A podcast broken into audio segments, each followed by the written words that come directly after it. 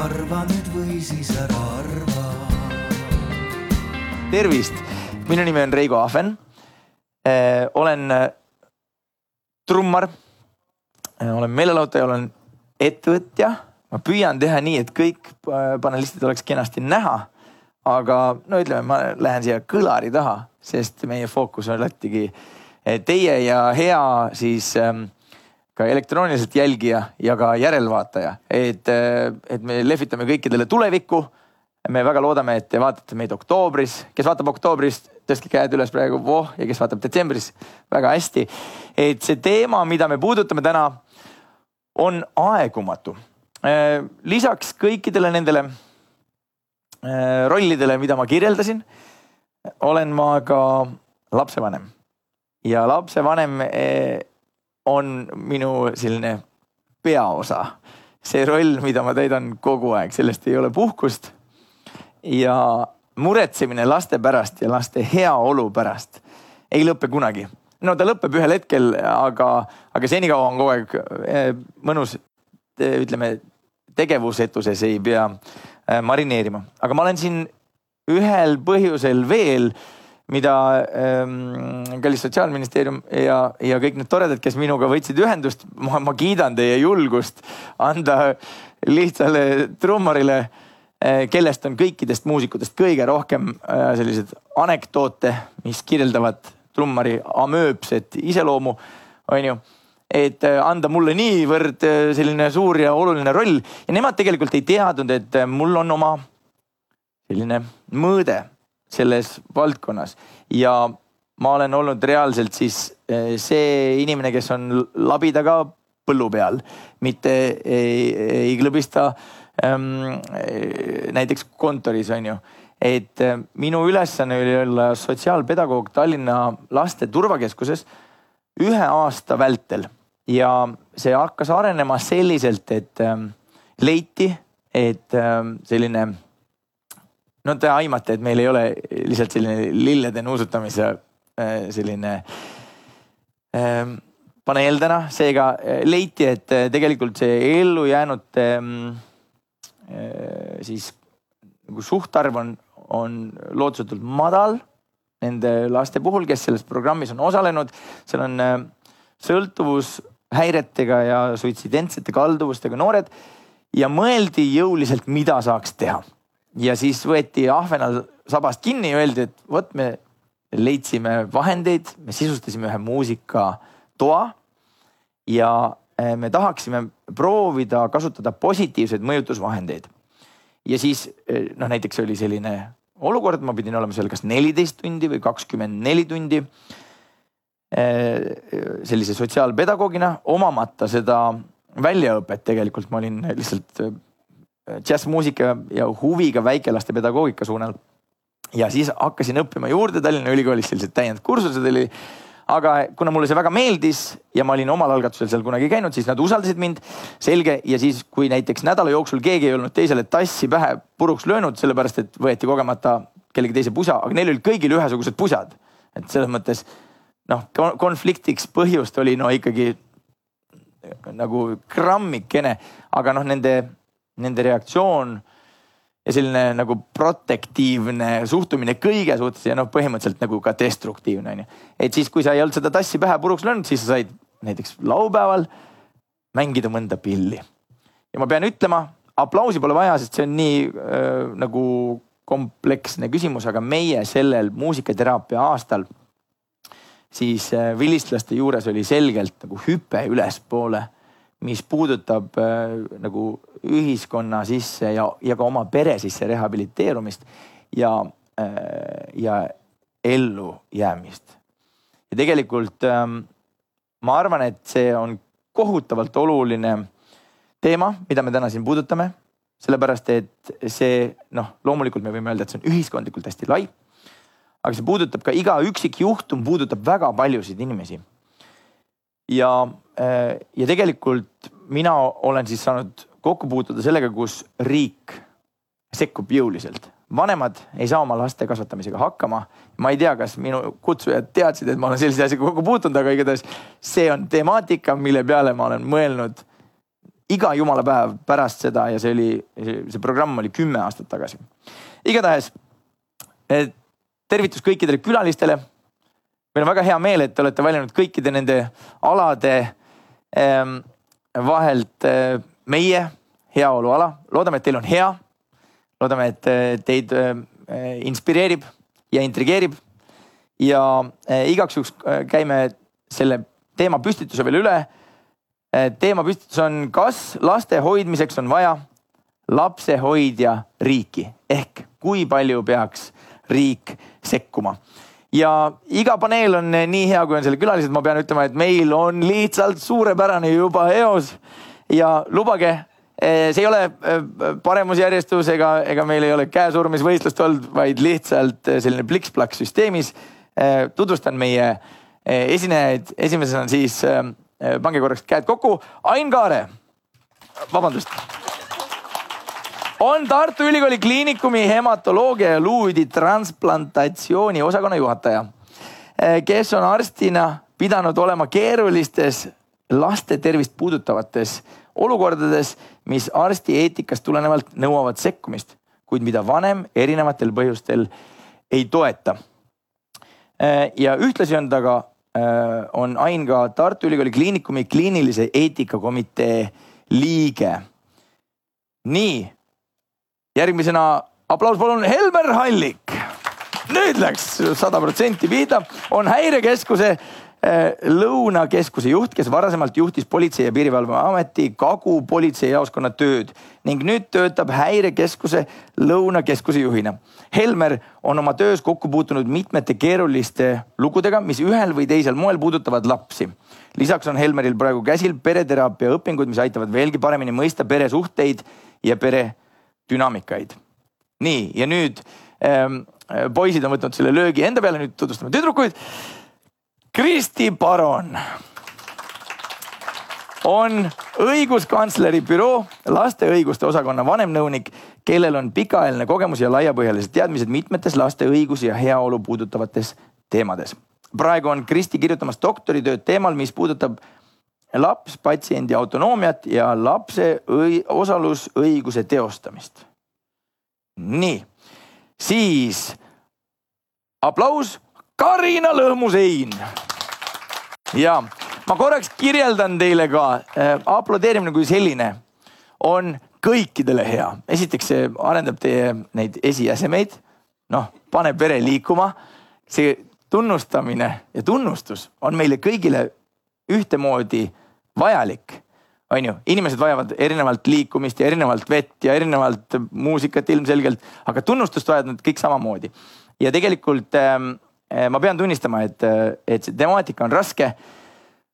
ma olin ühe aasta selles programmis, sest ma tundsin, et mina meelelahutajana tegelikult ei pruugi kauem jaksata ja, eh, ja pärast mind võttis minu võtmed üle selles Tallinna Laste Turvakeskuses Kõmmari. ehk siis see üks ääretult soe, aga pisut keerulise iseloomuga kosmikute bassimees, kellest te ilmselt teate. seega, miks me aplodeerime? kaks põhjust. meil endal on kergem, me, me tunnustame neid inimesi, kes jaksavad selle temaatikaga igapäevaselt tegeleda ja, ja siis meil on hea minna selle temaatikaga edasi aga ma nüüd, mul on siin komakoht ja nüüd on advokaadibüroo Lillo ja Lõhmus vandeadvokaat ning puudut, puutub perekonnaõiguse advokaadina oma töös kokku väga eriilmeliste küsimustega, mis puudutavad laste ja vanemate omavahelisi suhteid ning vanemate lahkumineku tõttu tekkinud erimeelsusi. nii ja äh, teeme aplausi, Triin Soer on Lastekaitse Liidu noortekogu juht ning esindab arutelus noorte häält ja toob välja, mida tunnevad noored erinevate vaidluste keskel olles ja millistes küsimustes peaks neil olema rohkem otsustusõigust. üllataval kombel praegusel hetkel on see väga selline laua peal olev küsimus. Äh, sellepärast, et, äh, et tihtilugu võib juhtuda nii, et äh, lapsed ise tahaksid saada näiteks Covidi vastu vaktsineeritud. aga vanemad äh, ei ole selle poolt ja nüüd ongi küsimus, et mis hetkel lapsel on õigus otsustada äh,, selliste küsimuste üle. nüüd, miks me täna siin seda kõike arutame, miks me oleme toonud absoluutsed äh, tipuründajad selles küsimuses äh, siia äh, vestlema, on see, et see teema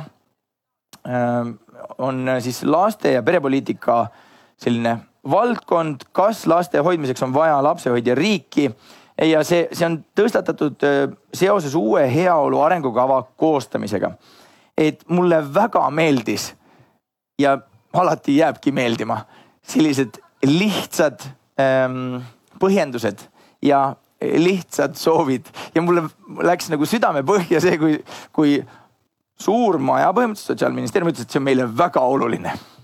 Meil on, meil lihtsalt, me tahame teha õigeid otsuseid, me tahame kaasata ja me tahame, et meil valim oleks võimalikult suur, seega ja, ja ütleme, vastused oleksid võimalikult täpsed, seega kallid sõbrad, kes te olete siin ja kellel juba on äh, omaenda isiklikus kasutuses olev mobiiltelefon, siis võtke palun see taskust välja ja minge sellisele aadressile nagu sli.do ehk slido.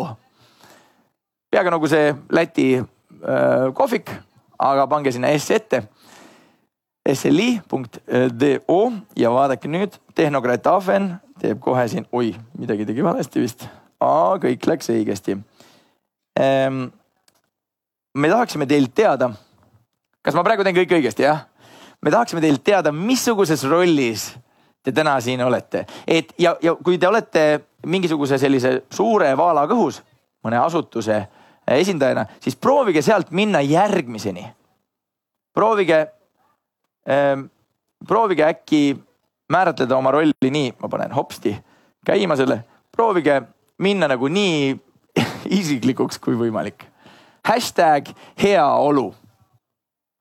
ja noh, sedasi on veel lihtsam ju, on ju, eks ju. muidu võib seal otsima jäädagi. aga millises rollis oled täna siin?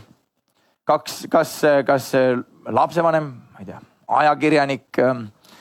noh, võib panna ametnik, kui, kui te tahate, on ju. võib panna ka laps, kes on hingelt noor, tunneb, et teda piiratakse oled kuuskümmend, aga ema on kaheksakümmend ja lihtsalt ei, ei, ei lase, pead kinno minemiseks, sa pead alati küsima luba näiteks või no ma ei tea. et ja siis, kui te olete selle saanud ära teha. oh kui hästi insener ja võib-olla näiteks hobiantropoloog võib panna sinna või noh, kõik sellised asjad. ja nüüd ma vaatan targemate poole, millal me paneme selle kinni ah,.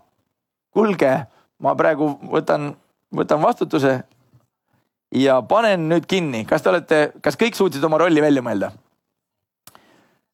ja ma, ma ise isiklikult unistan sellest, et kõik need küsitlused oleks nagu Põhja-Korea juhi valimised, et osales sada neliteist protsenti elanikkonnast. et kas kõik said vastuse andnud ja, ja paneme kinni seitse ja neliteist, hops. ja kuidas meil läks? nüüd ma ei saagi aru, kas ma tegin midagi jube andekat või tegin midagi põhjalikult äh.... nii ja näete sellel hiigelsuurel äh, ekraanil praegu, kas seda on võimalik ka suuremaks teha? Niimoodi, et me näeks kogu seda pilve. lapsevanem imelikul kombel on kesksel kohal. ja nii see täpselt peakski olema. ja ma pean tunnistama, et äh, tihtilugu täiskasvanutel on nii, et nad äh, neil on seda ühisosa on nii palju, et nad unustavad ära eh, selle, selle probleemi või siis ütleme lahenduse, lahendust vajava sellise nagu kesktelje. Ja, ja siis sellele sellise nagu ühise koondumise ehk et kelle jaoks me seda teeme, me oleme lapsevanemad, ametnikud, lastekaitsetöötajad, aga me teeme seda laste heaks ja mitte keegi ei tea paremini mida lapsed vajavad, kui lapsed ise. et palun käivitame esimese video kehtestanud mingid reeglid. aga jah, põhisõna ongi hoolivus ja armastamine. Hea lapsevanem alati julgeks mõelda, koos lapsega koos unistada, aga samas natuke nügiks ja toetaks teda tegudele. ta on nii-öelda peres tugev, et ma ei tea, et kui sul läheb midagi katki, sa lähed, et aa, issi tee see korda või et tule aita mind, ma ei tea, tõsta mingit asja või et ta on nii-öelda see, ongi lapse superhiiro. ja ise on selline, et, et, et ta temaga sõib pannkooke ja, ja mängib minuga ja, ja käib minuga õues. isa viib vahepeal prügi välja, puhastab nõudepesumasina puhtaks ja ta vahepeal minuga mängib ja ehitab meie tuba. ta on ise aktiivne, ta on hea eeskuju ja ta austab teisi enda ümber ja iseennast. ta austab siis seetõttu ka last. kallistab mind alati vahepeal, kui me lähme kuskile näiteks, siis ta võtab meid vahepeal kaasa. tema teeb vahepeal kooki. peab ilusti süüa tegema ja, ja, ja mängida lapsega ja, ja vaadata koos multikaid. Eks ole, lihtne kaheminutine klipp ja äkitselt me saame nagu kõik luureandmed, mida me selleks aruteluks vajame.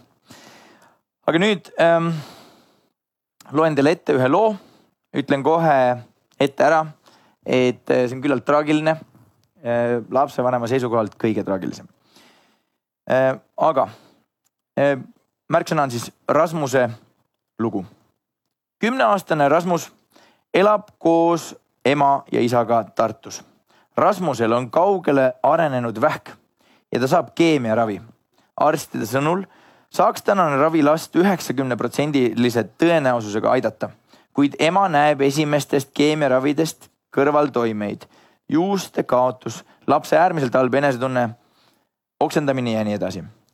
Rasmuse ema on alternatiivmeditsiini pooldaja, mistõttu teavitab aprilli alguses haiglat, et eh, ta tahab ravi katkestada. haigla hinnangul ei tohiks mingil juhul lapse ravi katkestada, mistõttu teavitab haigla lastekaitset. lastekaitse kohtub Rasmuse arstidega ja perega.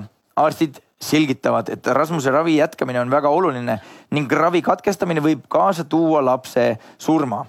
olgugi, et Rasmuse isa alternatiivravi mõtet ei toeta, suudab ema ta ümber veenda ning Rasmus sõidab juuni keskel välismaale ema eelistatud ravi saama. Rasmuse haigus aina halveneb mistõttu nõuab isa, et ema lapse tagasi Eestisse tooks. Rasmus jõuab Eestisse tagasi augusti lõpuks, kuid nüüd saab rakendada vaid palliatiivset ehk parimat seisundit toetavat ravi, sest keemiaravi Rasmus enam ei taluks. Rasmus sureb kuu aega hiljem.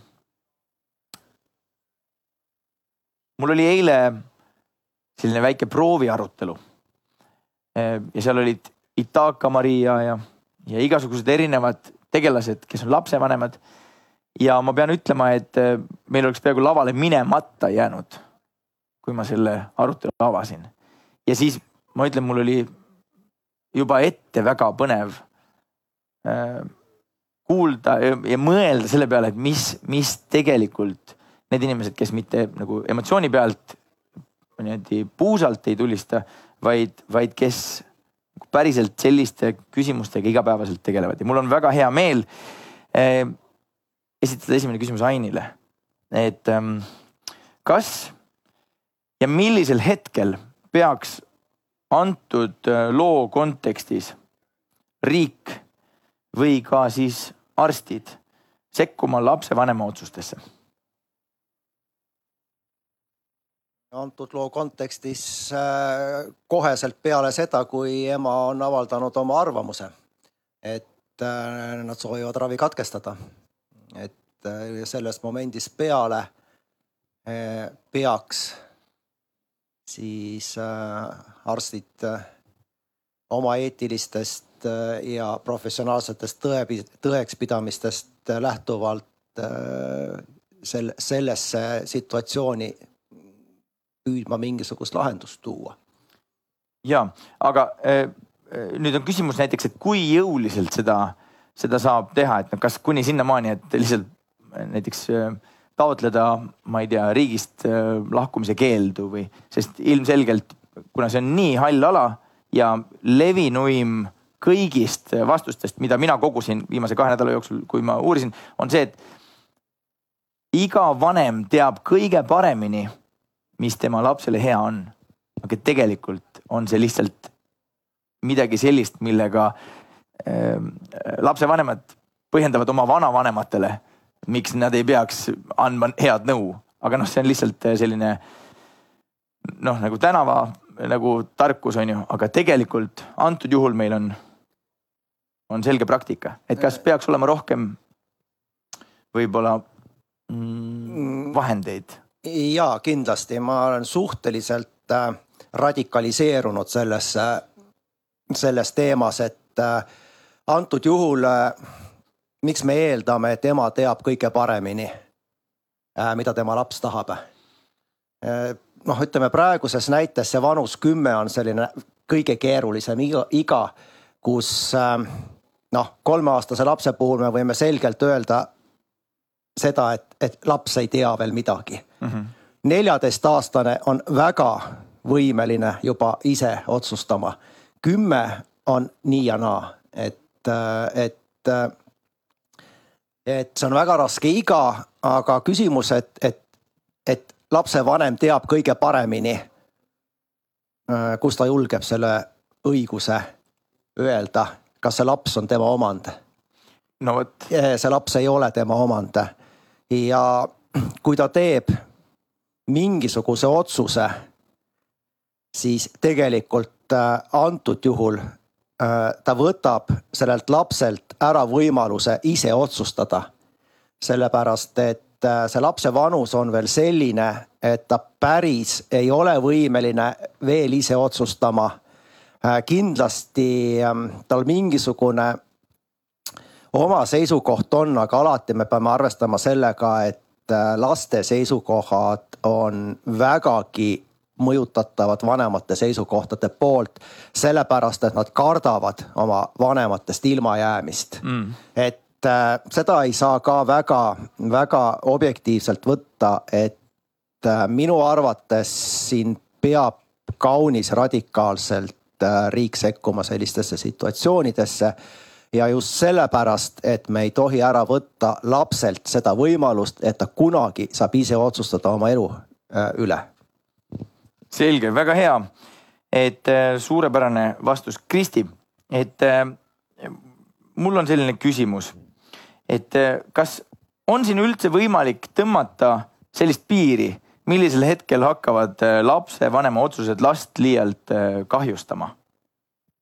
No ega tegelikult see piir sõltub väga igast üksikust juhtumist, et ega sellist universaalset piiri ei ole. ütleme, et Eh, lastekaitse valdkonnas on see küll eh, olemas, sest ütleb eh, perekonnaseadus, et nii-öelda, millal siis riik saabki sekkuda, ükskõik, kas selleks annab, tuleb märguanne koolist, lasteaiast, politseinikult või kellelt, mõnelt ühiskonnaliikmelt, kes märkas, et lapse heaolu on ohus. siis perekonnaseadus ütlebki, et kui lapse heaolu on ohus mm, -hmm. siis eks ole, saabki kohus vanema hooldusõigusesse sekkuda. ja nüüd noh, muidugi ongi see kuldne küsimus, et, et kui ohus see lapse heaolu peab olema, eks ole. et seda tegelikult hindabki siis kohus igal üksikul juhtumil ja kui me räägime äh, meditsiinivaldkonnast, siis äh, siin ongi kaks poolt, et üks on see meditsiinieetika pool ja, ja nii-öelda see patsiendi teavitatud nõusoleku pool ja teine on nüüd see perekonnaõiguse pool, et kuidas me saame sellesse perekonna autonoomiasse sekkuda. Ja, ja tegelikult äh, võlaõigusseadus, mis reguleerib siis selliseid suhteid, mis tervishoiuteenuse osutamisel tekivad, ütlebki siis niimoodi, et äh, kui lapsevanema otsus kahjustab ilmselt äh, patsiendi, selle lapse huve, siis tervishoiuasutus ei tohi tegelikult seda vanema juhist järgida. Nii et, äh, et see noh, et meile seadus ikkagi annab mingi piiri ja, ja see, kas see vanema otsus ilmselt kahjustab selle lapse huve, seda tegelikult hindabki see tervishoiuasutus, kus see laps on või kelle noh, kelle juures ravil see laps on.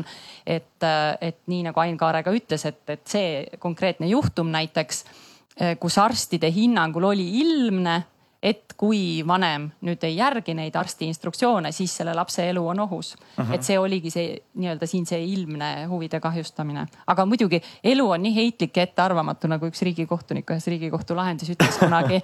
et, et üks, ükskõik kui hea jurist, ükskõik kui hea reegli ta välja mõtleb, siis elu ise kavaldab meid alati kõiki üle ja pakub mingi veel keerulisema olukorra, millele ei ole lihtsat vastust, aga, aga noh, nende ütleme keeruliste vähihaigete laste juhtumite puhul ikkagi noh, need juhtumid ka, millega, mis, mis nii-öelda minu lauale on jõudnud, kus on nõu küsitud, et seal ikkagi on olnud see vanema otsus selline, mis arstide hinnangul ilmselt läheb selle lapse huviga vastuollu mm. -hmm.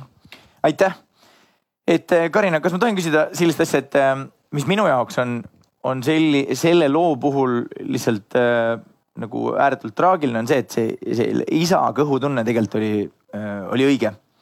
Äh, aga, aga nagu näha ka nendest klippidest, mida me siin vahepeal nägime, et, et tundub, et see on selliselt jaotatud siiski, et kui, ähm, kui midagi puudutab ütleme lapse heaolu, siis ikkagi pigem noh, emasõna maksab justkui rohkem ja isa on nagu õppinud ka ühiskonna poolt niimoodi saadud vihjetelt, et, et noh ju see ema ikka teab paremini. et aga antud juhul eh, isal olid tundled õigemas suunas, et, et eh, mul on selline küsimus, et eh, ma olen suur noh, jah trummarid on lihtsalt, ma olen lihtsustamise huviline inimene. ma saan aru, et samal ajal, kui on eh, tegemist valdkonnaga, kus on ainult eri case'id, seal ei olegi mingit mudelit, šablooni ei ole. et kas, kas on olemas mingigi võimalus, et, et eh, see mehhanism selliselt nagu tööle panna et kui on tegemist lastega ja tegemist on äh, aja äh, sellise no, tundliku küsimusega, iga päev on oluline, on ju, ja, ja siis veel rõhud ja reisimised, kõik, ka see metoodika on, on ju, et äh, kas on, on olemas võimalus, kasvõi teoreetiline nagu siis leiutada mingisugune mehhanism, mis käima tõmmata sellistel erijuhtumitel, et kui on, kõik on erijuhtumid, siis põhimõtteliselt see on standard, on ju. Siis saab seal mingi mehhanism, et kas, kas on midagi sellist üldse teoreetiliselt äh, võimalik ähm, äh, no ütleme, kasvõi planeerida.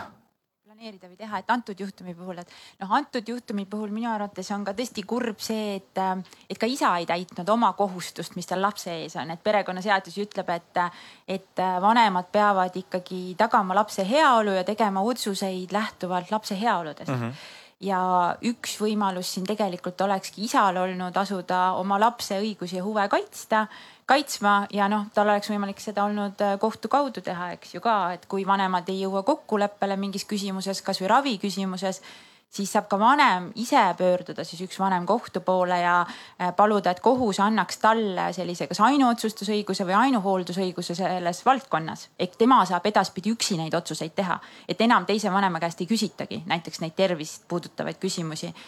aga noh, siin sellises olukorras, kus äh, kus ka isa nagu oma lapse huve ei kaitsnud, et ega siin ongi see seis, kus riik ikkagi peab sekkuma ja äh, siin ka ju tervishoiuteenuse osutaja teavitas lastekaitset, tal on võimalik ka tegelikult kohut teavitada ja need on need juhtumid, et kus lapse äh, siis äh, tervis on ohus, siis piisab sellest, et ükskõik kes teavitab kohut sellest olukorrast ja siin on kohtul võimalik ise algatada menetlus mm -hmm. ja võtta tarvitusele meetmed selleks, et äh, lapse huvid oleks tagatud.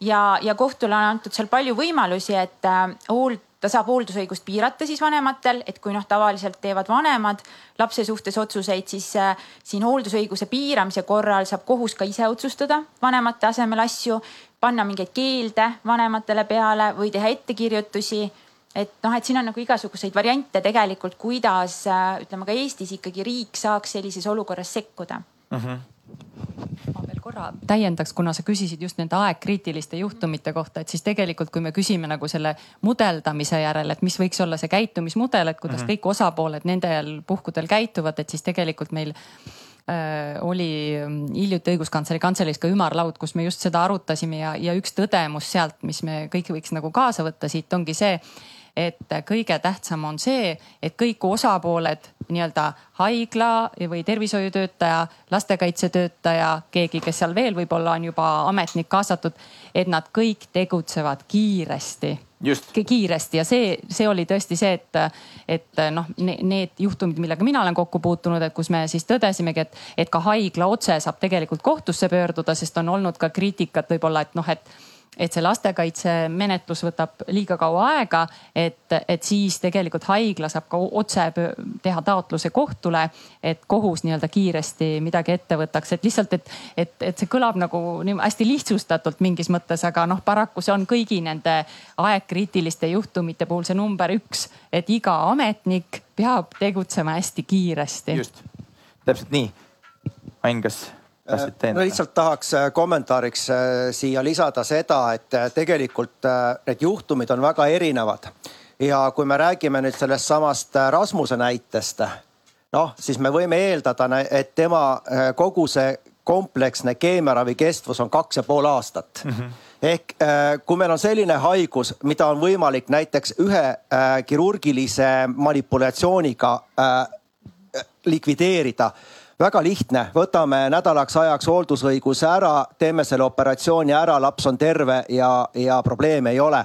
aga kui meil on selline haigus, mis vajab pikaajalist ravi, okei okay,, siin oli näide kaks pool aastat, aga on haigusi, mis vajavad veel pikemat ravi, äh, ka, ka eluaegset ravi, siis nende puhul hooldusõiguse äravõtmine ja, ja, ja otsustusõiguse andmine siis kellelegi teisele, kas siis äh, linnaosavalitsusele või vanavanemale või, või kellelegi teisele.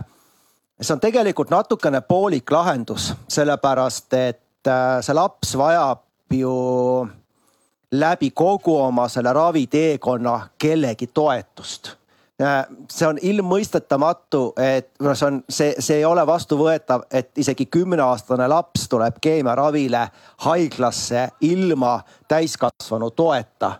ja ühelt poolt, kui kohus äh, sellelt vanematelt hooldusõiguse ära võtab, kes siis on siis see isik, äh, kes tuleb lapsega haiglasse, kes teda toetab ja kes on see isik, keda laps usaldab et äh, tegelikult on siin ka väga suur probleem on selles, et see, see, see tugiisik, kes siis äh, selle lapsega peaks ravil käima, see peab võitma selle lapse usalduse mm. -hmm. et äh, siin ei ole häid ja lihtsaid lahendusi, et äh, juriidiliselt äh, kerge, võtame hooldusõiguse ära, aga see ei ole päris see.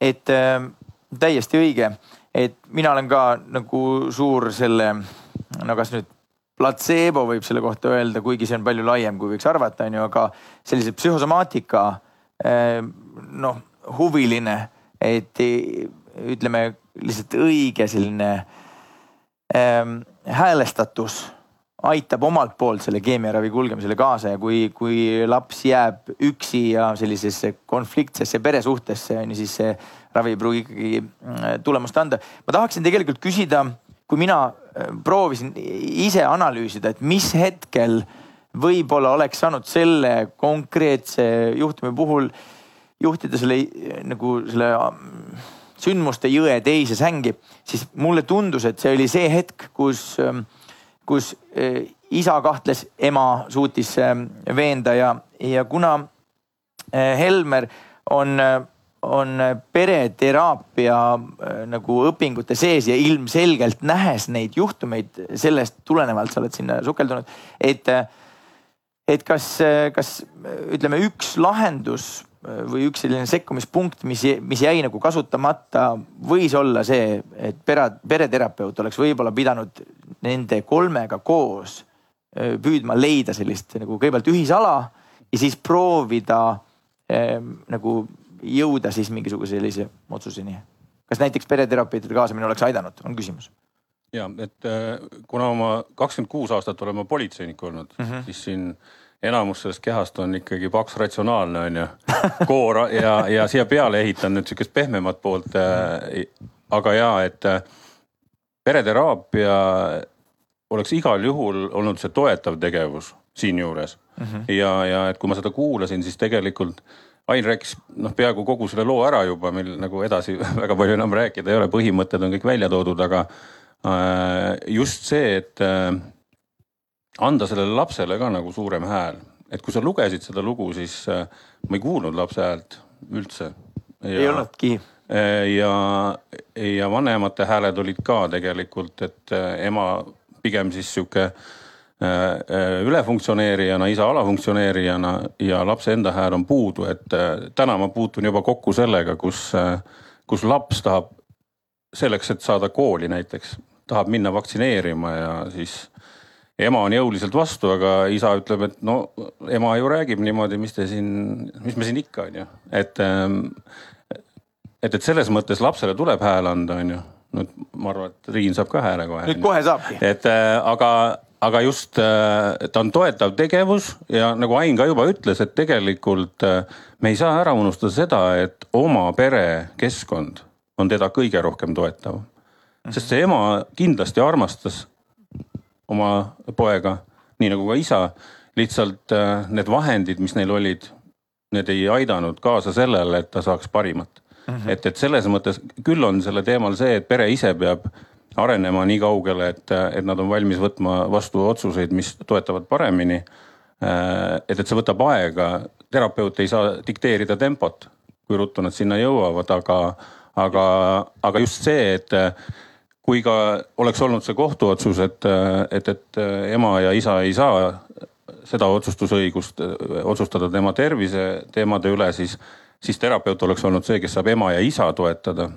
Et nad edaspidi äh, uuesti sellesse keskkonda sulanduksid. ja, jah, suur aitäh, väga hea vastus. nüüd äh, annamegi hääle Triinule, et äh, et küsimus sulle on selline, et kas on õigustatud, et keegi asub last kaitsma ja läheb vastuollu vanemate soovidega. see on justkui selline äh, olukord, kus äh, mõtled seda peremudelit on nagu lapsel on selline kolmnurk, jätame praegu korraks ühed vennad välja, on ema ja isa ja siis äkitselt see on selline natuke pikem kolmnurk, et on kolmas tegelane veel ja see on selline ühise teadvusega äh, selline sootsium, mida siis esindab ja, ja jõustab siis justkui riik, et, et lapse seisukohast, et kas, kuidas see tundub aus vastus, kuidas ta tundub, ei saa loomulikult antud juhtumi puhul olla kerge ja seal on erinevaid nüansse kindlasti, kuid selle puhul me puutume kokku sellega, et laste õiguste konventsiooni kohaselt, mis on juba üle kolmekümne aasta vana ÜRO poolt sätestatud, me peame lähtuma lapse heaolust. Antud juhul on kaalul see, kas see laps saab paari aasta pärast või paari kuu pärast minna õue teistega mängima, heal juhul, või siis ta sõbrad lähevad ta matustele, nii-öelda ausalt öeldes nii et selle loo puhul kindlasti see, kui kolmas isik sekkub, see on ju laste hea, lapse heaolu arvestades loomulikult, kui see oleks mõnel teisel teemal, siis me saaksime teistmoodi diskuteerida, kuid hetkel tõesti just nagu ka kõrvalistuja tõi välja selle, et on vaja, et lapsel oleks olemas see tugiisik, kes läheb temaga kaasa, on päriselt olemas selle protsessi ajal. aga seejärel me jõuame ikkagi sinna punkti, et ka kui ta oma vanemate suhted on sassis siis kes teda toetab üldse kogu selle protsessi jooksul. ja sel juhul on tõesti hea, kui see kolmas isik on olemas, olgu ta siis lapsepsühhiaater, tugiisik, terapeut, kes lihtsalt ka kuulab lapse ära. kümneaastane juba oskab päris hästi ennast väljendada tunnete, emotsioonide osas, eriti kui on käsil nii karmid terve, tervenemise protsessid.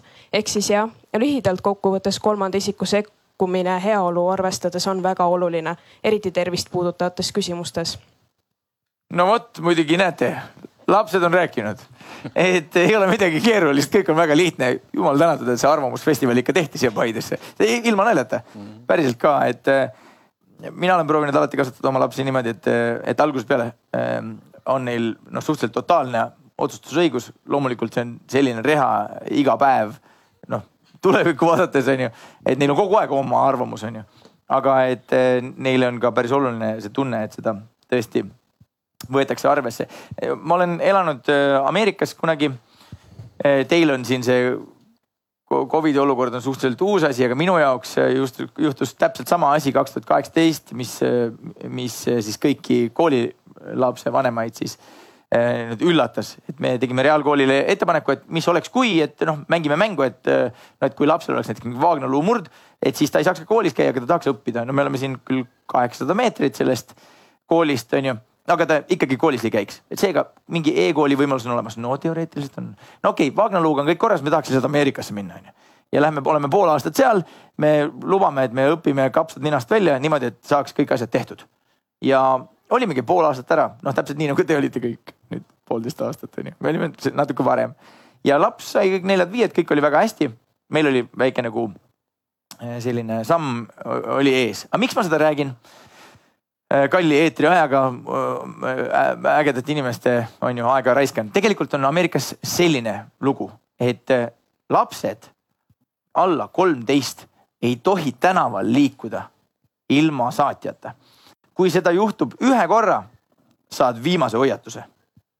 Riik võtab sul lihtsalt äh, nagu ta ilmselt ei võta last päris käest ära, aga ta piirab nagu otsustusõigust ja hakkab vaikselt kruvisid kokku keerama, mis on päris huvitav. minu laps oli just saanud kolmteist ja käis äh, Manhattanil Brooklynis ja vahepeal äh, jäi seal kuidagi munema, sõitis Brighton Beach'ile ja siis ronis sealt üle mingi aedade ja suhtles sulaselges vene keeles ja hüppas jälle sinna metroo peale tuli tagasi, esimene nädal aega ei julgenud rääkida, mis kõik juhtus, onju.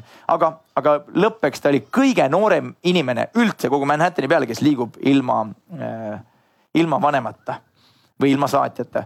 ja ma tegelikult ma äh, ei ole siiani ära otsustanud, kas see on vajalik, sest me elame nii turvalises keskkonnas Eestis, et me ei tule isegi selle peale, et see äh, nagu, et laps on oma kodus vangis lihtsalt riigi poolt äh, asetatud seadustega. nii, aga nüüd Ehm, kõik on saanud sõna, mulle see väga meeldis, eh, see, kuhu me ehm, justkui jõudsime.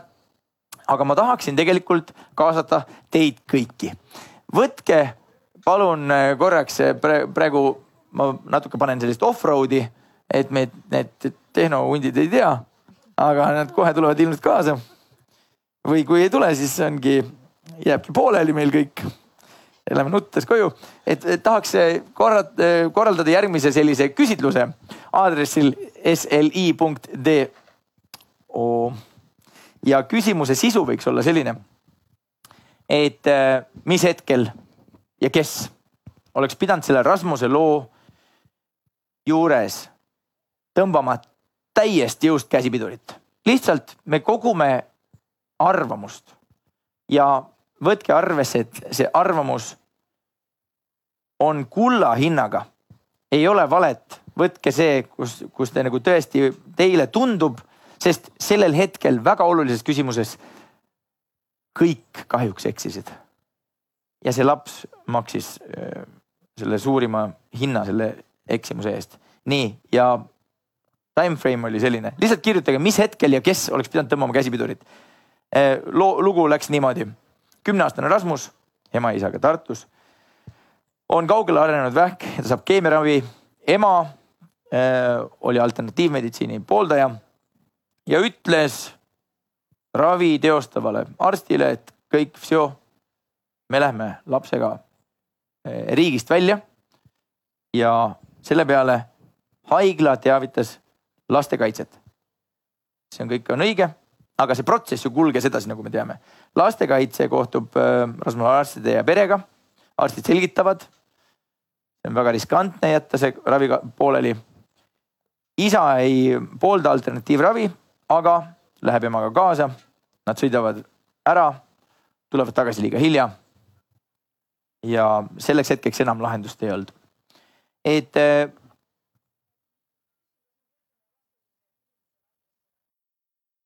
ja just see lihtsalt ongi nii, et äh, kirjutage sinna, kes ja mis faasis või siis teistpidi, mis faasis ja kes. hashtag heaolu. ja vabandust, jah. issand, kui ilus sõna, heaolu.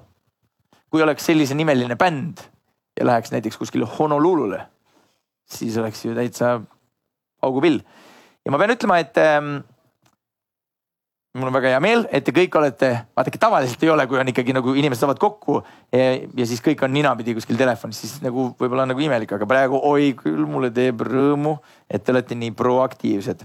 kuidas teie, kallid panelistid, ennast tunnete? külm ei ole? palav ei ole? Liiga lõbus ei ole? natuke on see on väga hea. kallid sõbrad, see on ikkagi väga oluline, ma pean ütlema, et kui inimene naeratab, kui tema õlad on all, on ju, kui ta tunneb ennast hästi, ei ole külm ega paha, siis tegelikult eh, see kõik aitab sellele, sellele arutelule, sellele protsessile kaasa. ja me leiame midagi sellist, kas te kujutate ette, et me tegelikult, me, me olemegi nagu selles absoluutses epitsentris, me toimetame nende inimestega koos, kes seda riiklikul tasandil saavadki muuta. ja meie saamegi oma vastustega juba praegu anda teile, neile tegelikult nagu suunised ja see on imekspandav. nüüd äh, täpselt üks minut on sellele äh, esimesele loole jäänud veel aega seega siis võtame korraks selle kokku, kuidas me selle nüüd siin talitame tehniliselt. Kas me saime vastused, jah? ülihea lastekaitsetöötaja, teine lapsevanem kohe, kui arstid ütlesid, et selle raviga on lapsel, lapsel võimalus terveneda, haigla ja kohe. vot mina olen tegelikult selle poolt, sellepärast et haiglal on see teadus taga ja on näha, voh, palun, Ain ma vaatasin ka neid vastuseid ja hästi palju on siin haigla ja arstid. Mis ei ole üldse kohustus, aga lihtsalt. ja, aga kui me nüüd äh, läheme selle loo alguse juurde, siis arstid teavitasid lastekaitset. ja see oli kõige õigem asi üldse. ma juhin tähelepanu, minul puudub juriidiline pädevus, ma ei tea täpselt, kuhu täpselt, mida ma tegema pean. arst vajab selleks kellegi abi, kes on pädev pöörduma õigesse kohta õigete sõnade ja õigete paberitega.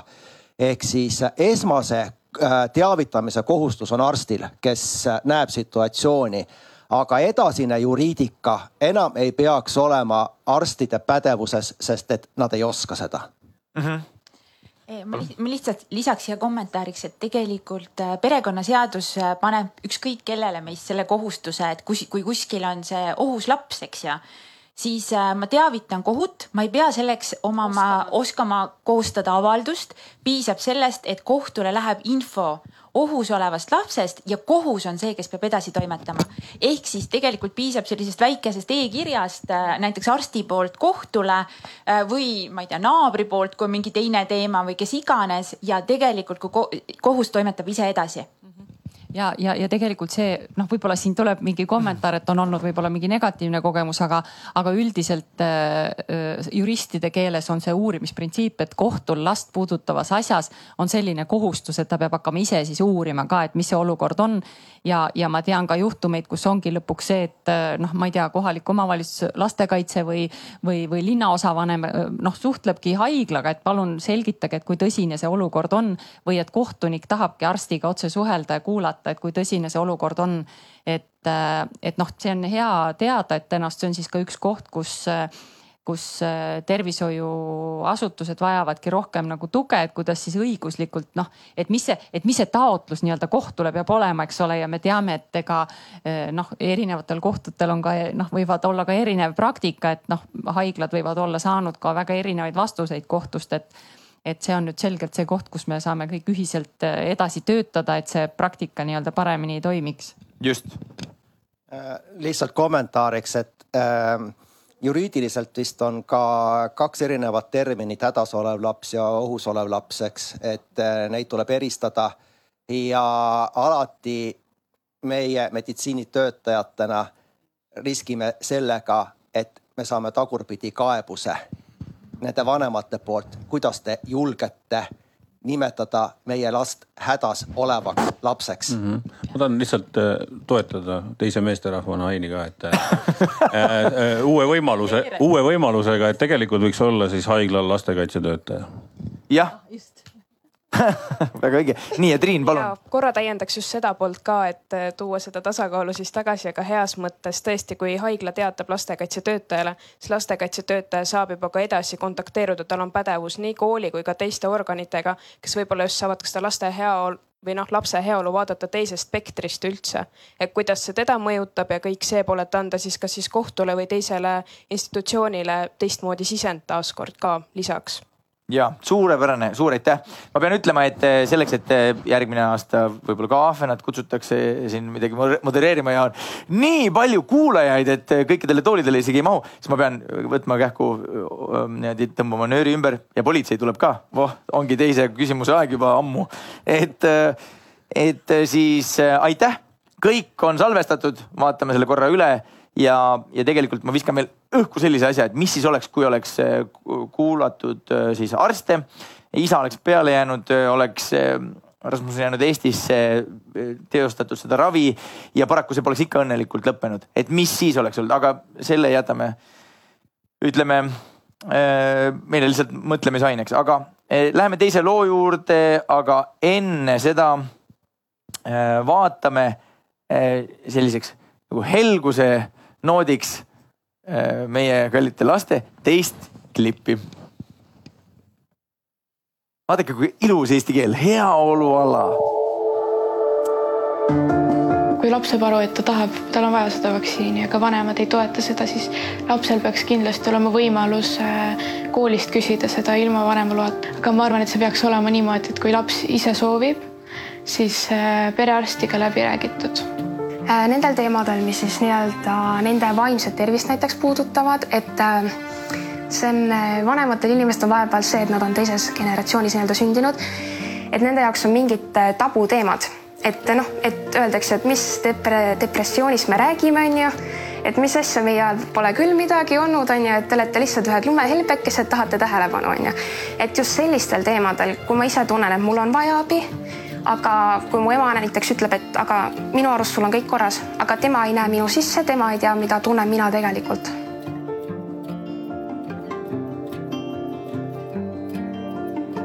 Riigi sekkumine kui selline sotsiaalsüsteemis üldiselt ka tegelikult tervishoiu küsimustes peaks seisnema selles, et kuidas see laps iseennast näeb tulevikus.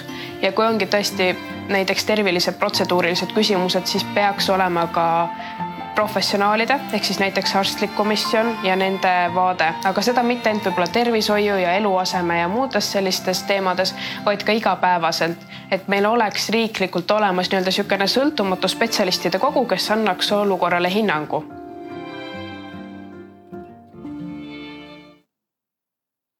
Vaadake, kus lapsed on ikka nutikad.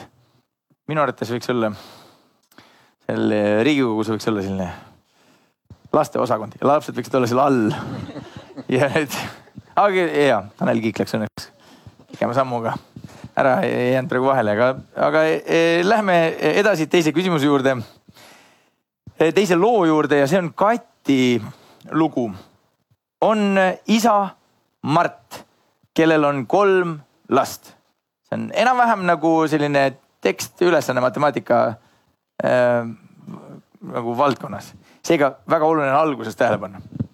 vanem laps Kati on esimesest abielust ja on praegu kuueaastane ja elab peamiselt koos emaga Tallinnas. teised lapsed, Oskar ja Mari on kaheaastased kaksikud elavad koos Mardi ja ta uue elukaaslasega Pärnus mm. -hmm. Kati osas on kohtu poolt määratud suhtluskord, mille kohaselt on Kati kaks nädalat ema juures Tallinnas ja kaks nädalat isa juures Pärnus. määratud suhtluskord praktikas päris selliselt kahjuks ei toiminud, kuna Kati käis Tallinnas lasteaias ja oli seetõttu tegelikkuses rohkem ema juures. kuna Kati läheb sügisest kooli, siis ema hinnangul tuleks suhtluskord ümber vaadata. ema tahab, et laps läheks kooli Tallinnasse, isa aga arvab, et laps võiks minna Pärnusse kooli ja elada isa juures, kus elavad ka Kati õde ja vend. Kati tahaks olla koos mõlema vanemaga ja on kurb, et vanemad vaidlevad Kati võiks elada nii Tallinnas kui ka Pärnus. Tallinnas on tal ema ja lasteaiakaaslased, kellega ta tahaks koos kooliteed jätkata. aga Pärnus on isa, õde, vend ja mõnus suur oma tuba. ema ja isa ei jõua lapse edasise elukorralduse osas kokkuleppele ja otsuse peab tegema kohus. vanemate vahelist konflikti suurendab ka see, et nad ei jõua kokkuleppele elatise osas ega ka peretoetuste jagamise osas isal oleks justkui kolme lapsega õigus lasterikka pere toetusele, kuid kuna Kati eest saab lapsetoetust ema, siis ei ole isa lasterikka pere toetuse jaoks kvalifitseeruv. selline lugu.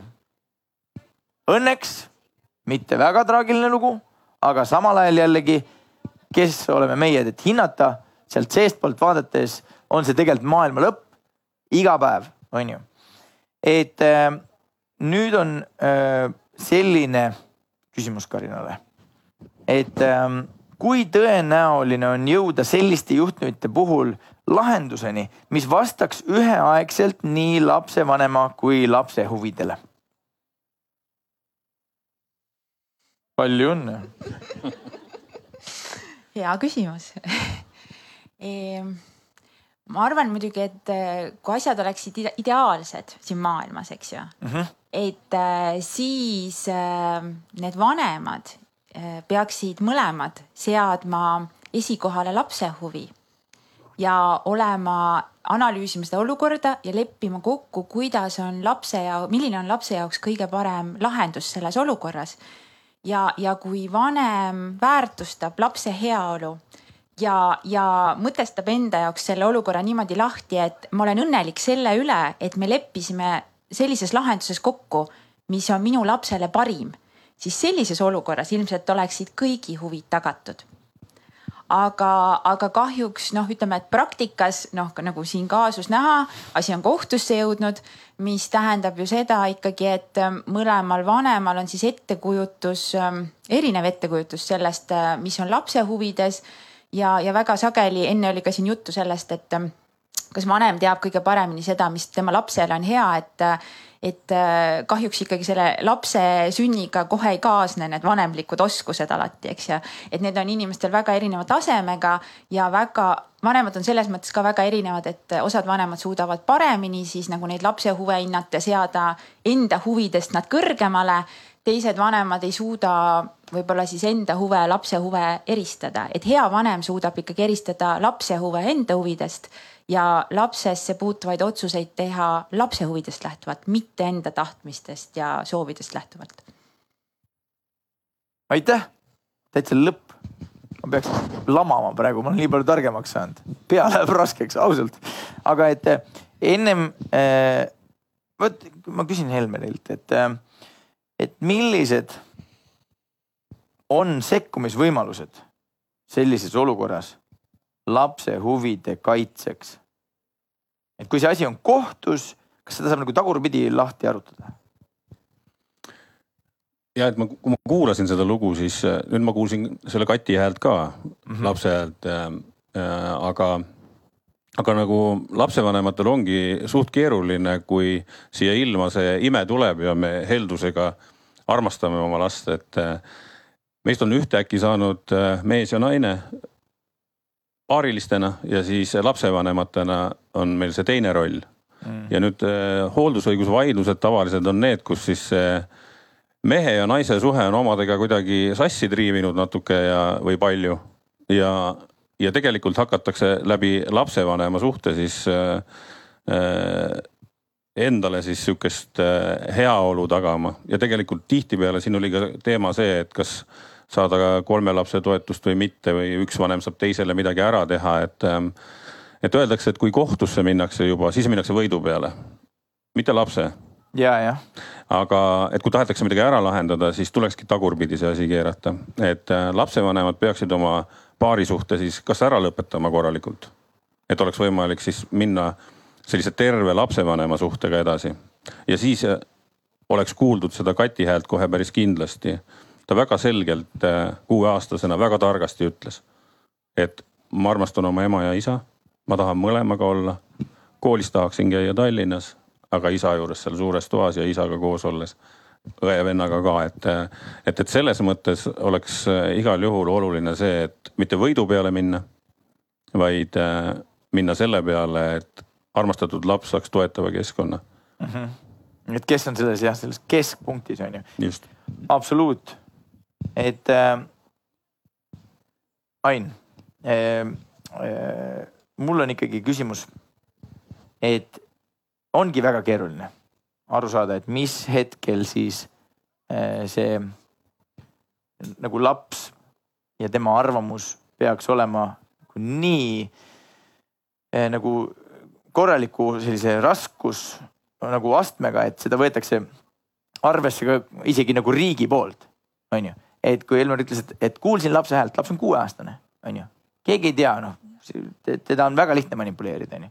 antud juhul jumal tänatud, et keegi manipuleeris, juhul kui manipuleeris teda ütlema, et armastan mõlemat vanemat ja ma olen kurb, et nad ei saa lihtsalt täiskasvanud inimestena oma nagu isekeskis hakkama, onju. aga kuidas on võimalik, ütleme seda sellise Tartu Ülikooli Kliinikumi kliinilise eetikakomitee liikmena, kuidas oleks võimalik nagu öelda, et vot noh, mõni täiskasvanud mees ei ole nagu ütleme, võib-olla kõike ei saa kogu aeg ütleme usaldada, mida ta mõtleb või arvab või otsustab, onju. Õnneks juhiload ma sain, selles mõttes on okei okay. ja siin juhatada tohin ka, onju, aga et, et millal inimene on piisavalt küps, kas on olemas võimalus, ma ei tea, kohaldada mingeid kontrollküsimusi või, või seirata kakskümmend neli tundi, et kuidas käib ja kas peseb hambaid või ei pese iseseisvalt või noh, et kas, kas siin on olemas mingi lahendus, et, et ilmselgelt kui me, kas selle jaoks peaks olema mingi komitee või mingisugune me oleme kõik näinud filmidest, kuidas lapsed istuvad pisikesed, jalad tudisevad all ja tähtsad tädid ja onud kuulavad. nii, räägi nüüd ausalt ära, mis tunne sul on. kas seal on olemas mingit lahendust? siin tegelikult selles mõttes, et see kuueaastane laps on selgelt veel manipuleeritav. et ta räägib, ta võib rääkida täna ühte juttu ja homme võib ta rääkida teist juttu. tal on kindlasti oma arvamus olemas. aga kuidas seda arvamust niimoodi teada saada, et see oleks tõesti tema arvamus ma ei tea, mina ei oska. et tegelikult siin noh, väga selgelt lahendus saab tulla ainult siis, kui nii ema kui ka isa mõlemad astuvad kõigepealt ühe või kaks sammu tagasi. Mm.. et äh, edasi tormamisega selgelt äh, on see, kes jääb äh, hammasrataste vahele, on laps ja tegelikult ähm, tegelikult siin on ka natukene sisse programmeeritud juba seadusandlikult sellist konflikti, kasvõi see, et, et kui mul on nüüd kolmas laps, siis ma saan rohkem mingisugust toetust. ehk äh, natukene kumab siin välja seda, et isa on äh, nagu selle lapse rakendanud natukene äriprojekti sisse. et äh, kui me nagu antud juhul minu toetus kaldub ema poole ja, ja kui me räägime ikkagi sellest tänapäeval, et mehed ja naised on võrdsed ja, ja, ja nii edasi ja nii edasi.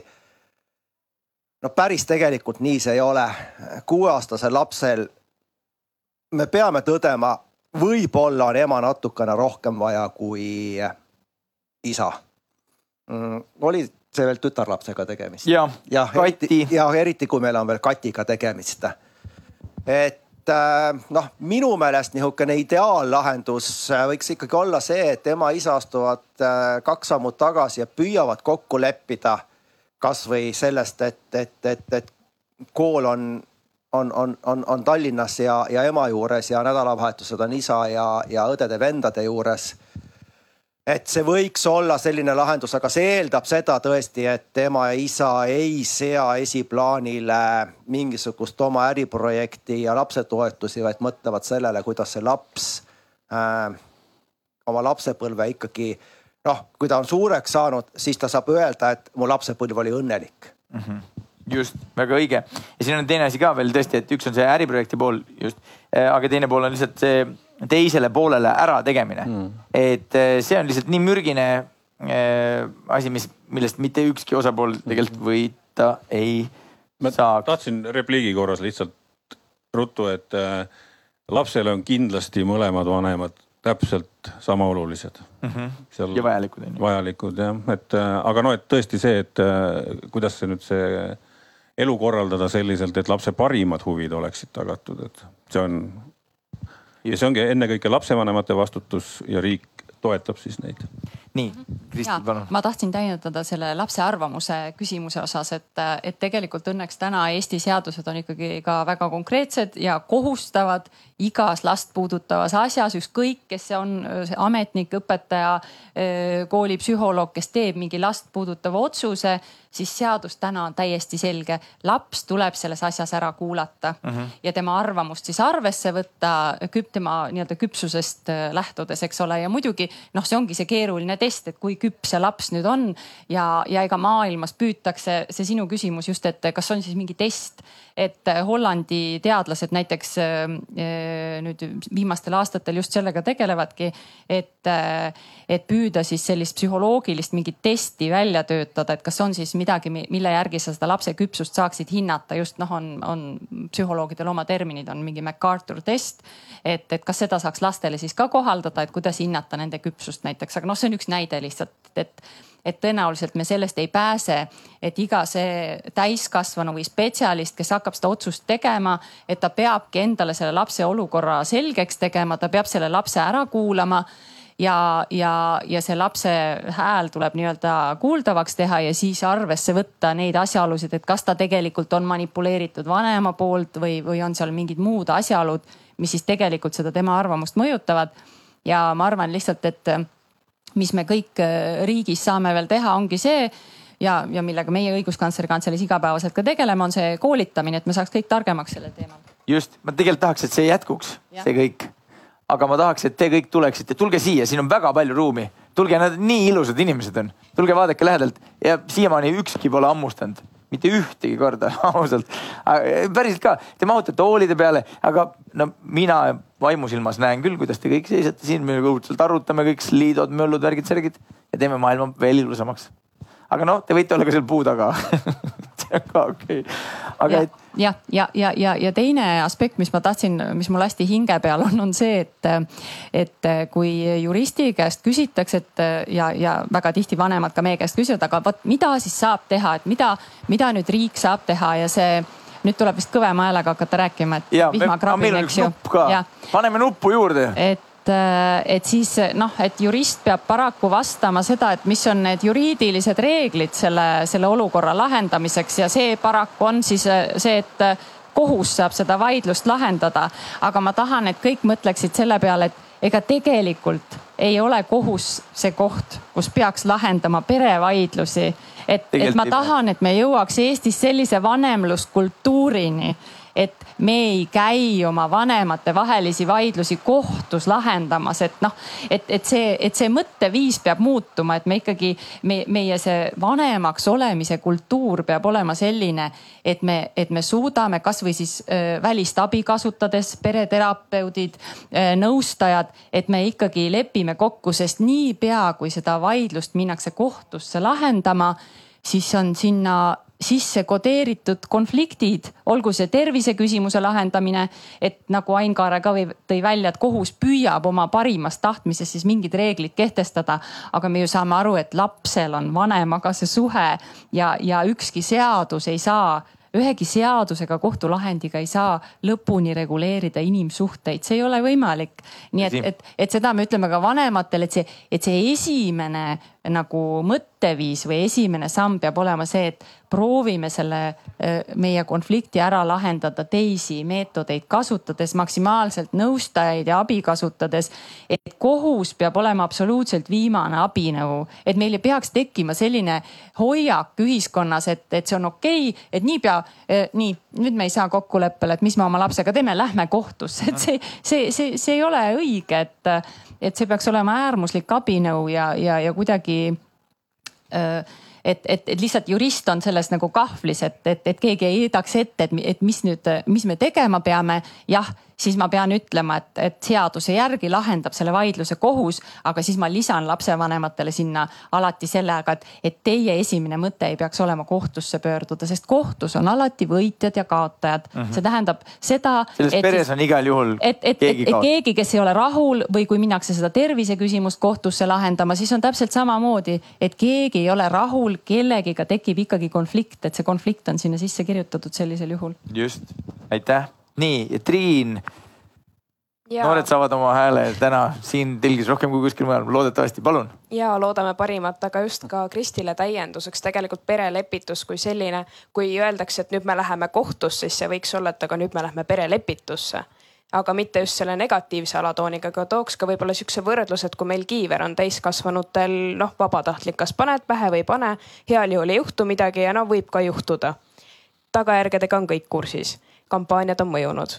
Aga perelepitus peaks olema justkui nagu kiiver, et sa ise valid, kas sa lähed seda turvalist teed pidi, jah, ta ei pruugi anda kõiki neid lahendeid, aga ta võib sind juhatada nende teedeni, et ta võib selle dominoefekti käivitada. et selle perelepituse tõesti propageerimine, rõhumine, teavitustöö, et ta läheks justkui nagu me mõistame seda, et näiteks ma ei tea, joobes ei ole mõistlik minna ujuma, et ta oleks täpselt samamoodi justkui ühiskonnas arusaadav teema.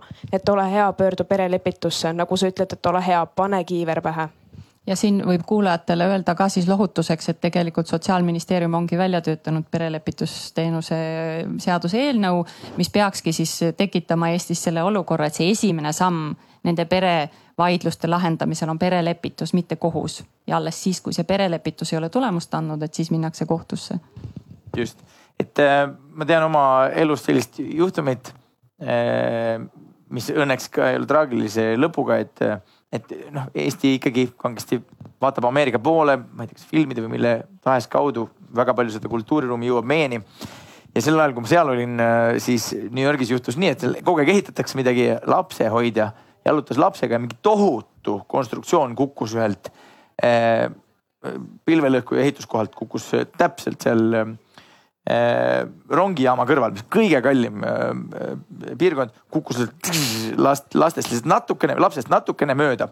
ja lapsevanem võttis lapse, kargas üle tänava ja oli hirmus äh, õnnelik, et jäi ellu ja rääkis õhtul isale, selle lapse isale, rääkis, et tead, mis meil täna juhtus. ja lapse isa ei olnud mures sellepärast, et nad oleks peaaegu saanud mingi puuga pähe, vaid oli pahane lapsehoidja peale, et mis kohaga sa mõtlesid, sa oleks pidanud tegema siinsamas pilti ja me oleks saanud niimoodi raha selle ehitaja käest, et kukub pikali, onju. et eh, vot see on nüüd kahjuks see loogika, mille peale ma sain kohe aru, et nii, kus see lennujaam nüüd on, ma lähen Eestisse tagasi. et, et jumala eest see kohus ei oleks nagu see esimene lahendus. kindlasti on olukordi, kus eh, ilma selleta, ilma selle neutraalse pinnata, ilma selle selgelt välja joonistuva juriidilise sellise taustsüsteemita ei ole võimalik, onju aga tõesti väga hästi nagu sõnastatud, et, et täpselt see, see kiivri allegooria eh, mulle astub hästi, et, et eriti veel sedapidi, et kõik mu lapsed on, on nii, et kui ratas on, sõbrad on, kõik teised lähevad sõitma, aga kiivrit ei leia üles voodi alt näiteks või kuskilt, siis jääb sõitmata. ilma kiivrita nad ei sõida minu arust tegelikult ilma selle perelepituse lahenduseta ei äh, ei peaks ka noh, kohe mõõkasid välja kiskuma, onju. nii, aga mul on üks huvitav küsimus. sa oled üks ja ainukene vapper, kes on seal niimoodi külma käes tuletuppa. tuleb minu juurde. okei okay,, tema on lõpuboss, lihtsalt ma ütlen ära. ta on allkardinal, aga seal pole seda kardinat, mille taga saaks kardinal olla. nii, aga mul on, kas ma võin freestyle ida või? jah, näed, see on tegelikult lahe, sest mul on kõik need aparaadid siin enda käes, ma lubatakse või ei lubata, ikka panen aga et äh, mul on selline küsimus. et äh,, et äh, see on täiesti kolmas, kuulad huviga jah? see, see on selline küsimus, mis te arvate, mis hetkel peaks inimese teadvusesse jõudma selliste pereküsimuste lahendamise metoodika? ühe korra sõnastan teisiti veel.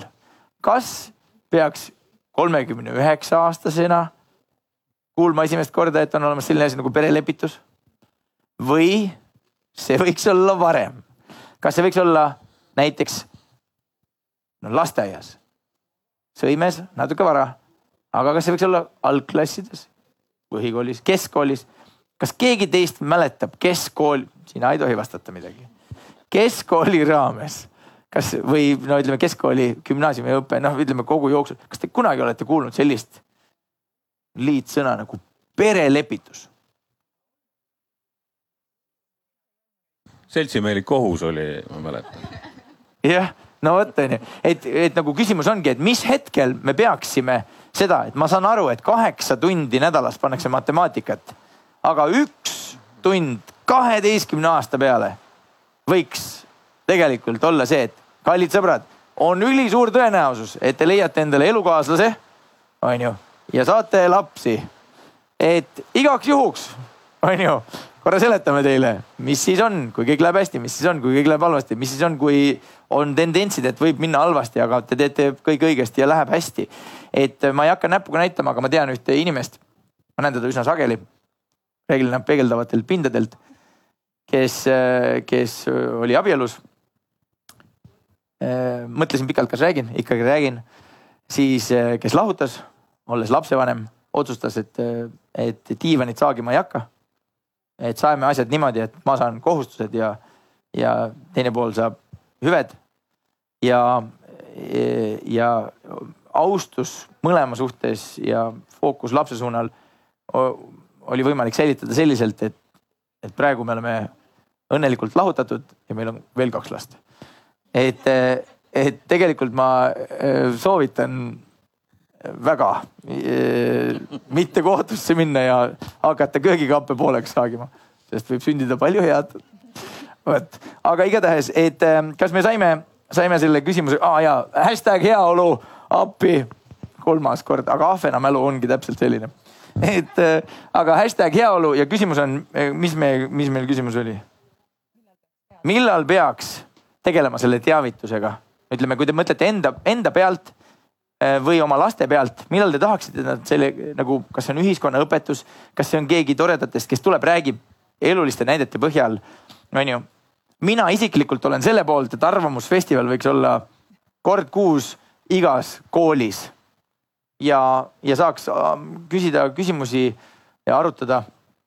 ja minu poolest kasvõi selleks sisendiks võib olla näiteks tänase arutelu selline eh, videotõmmis, on ju, aga nüüd eh, me oleme jõudnud eh, mõnusasti Kati loo peal korraks mötelda. me oleme saanud küsida kallitelt osalejatelt selle küsimuse ära ja nüüd me võiksime korraks vaadata kolmandat lasteklippi. Nemad teevad kogu aeg olemise veel helgemaks.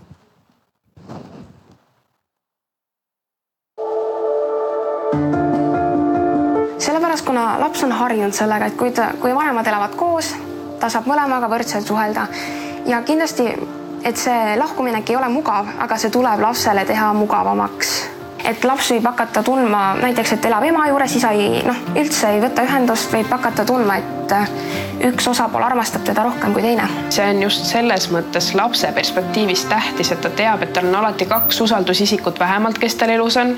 eriti siis, kui laps on varasemalt elanud nagu mõlema vanemaga koos ja siis, kui talt nagu järsku nagu üks olulisemaid inimesi tema elust lihtsalt ära kaob, siis see on nagu tegelikult, ma ütleks, et seda võib kutsuda traumaks lausa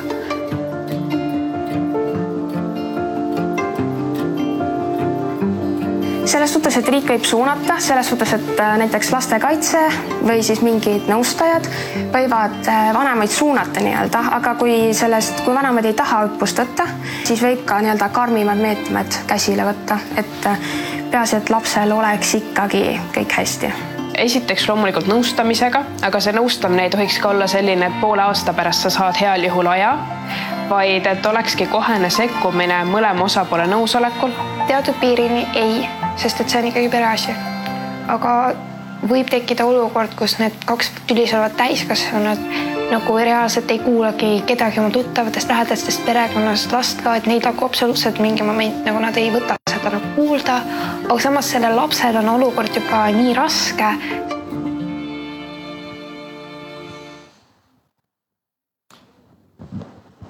Nii ähm,, näete lastelt saab selgelt sõnastatud äh, vastuseid ja mõtteid.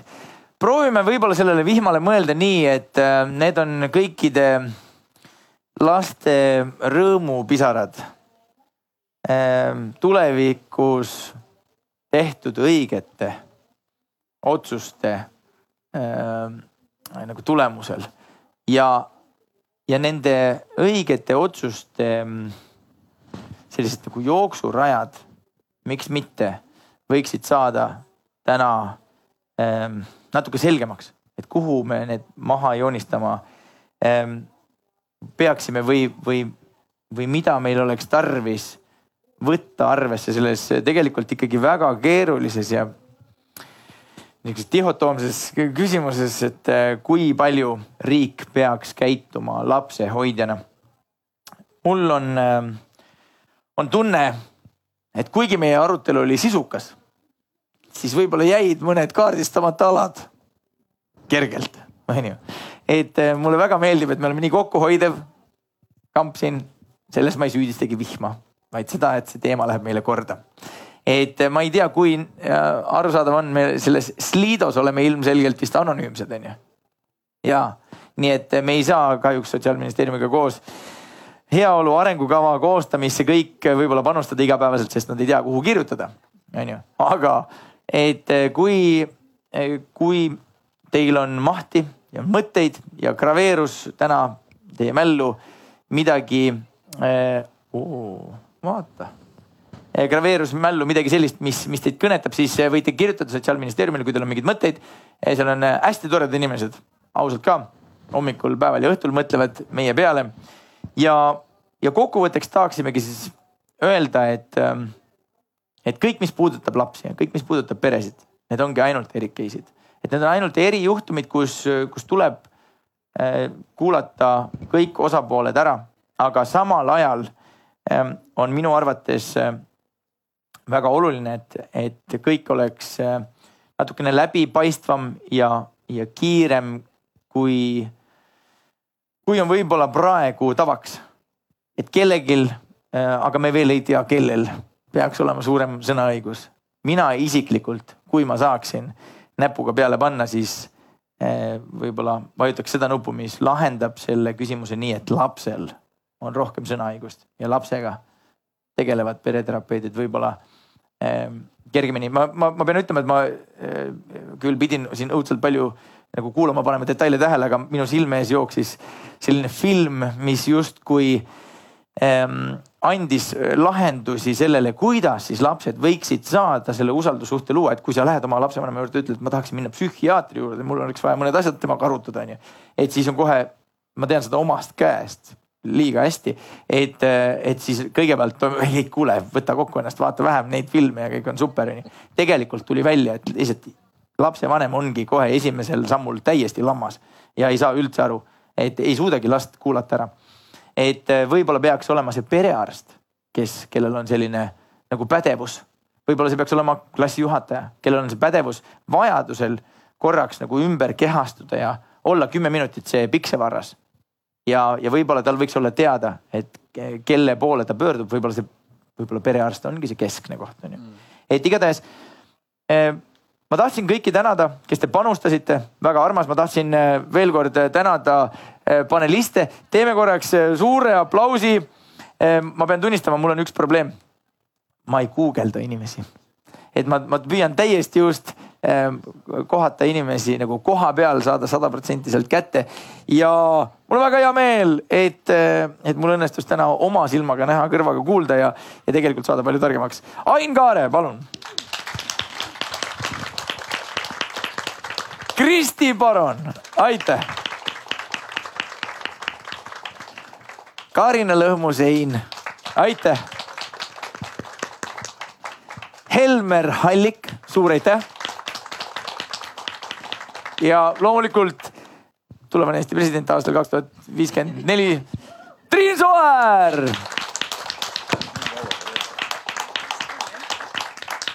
ja ilmselgelt, eh, kuna kõikidele äh, siinviibijatele lähevad need äh,, need küsimused korda, et siis tegelikult me võiksime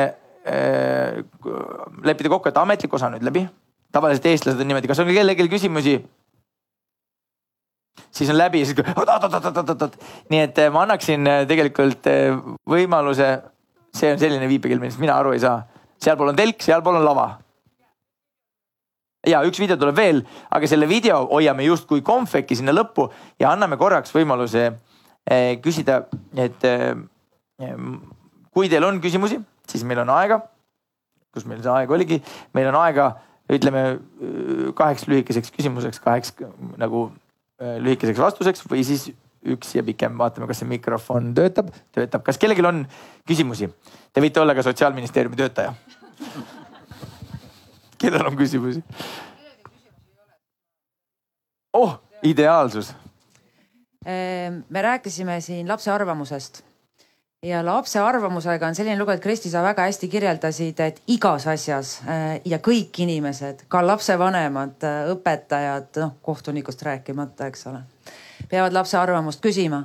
aga lapse arvamusega on see lugu, et me küsime seda ju selleks, et arvestada lapse huve, huvidega. aga lapse huvi ja lapse arvamuse vahel võrdusmärki panna ei saa. jumal paraku see nii on et minu meelest natukene vähe jäi, jäi kõlama see, et, et kuna me ei saa seda võrdusvärki alati panna eh, huvi ja arvamuse vahele, siis on ülioluline, mis on ka seaduses, lastekaitseseaduses kirjas, et kui laps on oma arvamuse eh, väljendanud, seda on küsitud spetsiaalselt tema jaoks protsessis, et me hiljem ka peegeldame tagasi selle, miks otsus, mis sündis, oli või ei olnud kooskõlas selle lapse arvamusega et sellega me õpetame last julgemalt oma arvamust ka edaspidi välja ütlema ähm, osalema endasse puutuvate küsimuste lahendamisel, aga tegelikult laiemalt ka kogukonda, ühiskonda puudutavates asjades. et see laste vaade on oluline ja, ja see, mul on hea meel, et laval on ka laps või õigemini noor peaks ja, ütlema praegu. minu arust ka. suur aitäh, väga õige tähelepanek, teeme aplausi ma tahan, ma tahan Signele lisada seda ka, et, et tegelikult jääb nii palju asju kripeldama, sest noh, tegelikult me saime lihtsalt ühe sellise väga pealiskaudse sellise nagu noh nagu natukene vihjeid anda lihtsalt, et, et, et tegelikult oleks tahtnud nii paljudest asjadest rohkem rääkida, et meie, kes me igapäevaselt sellega tegeleme. nii et ma arvan, et see on õige üleskutse, et kui keegi tahab veel midagi küsida, eks ole, et siis, siis, siis küsime selles mitteametlikus osas, räägime edasi, sest tegelikult see teema on nii mitmetahuline.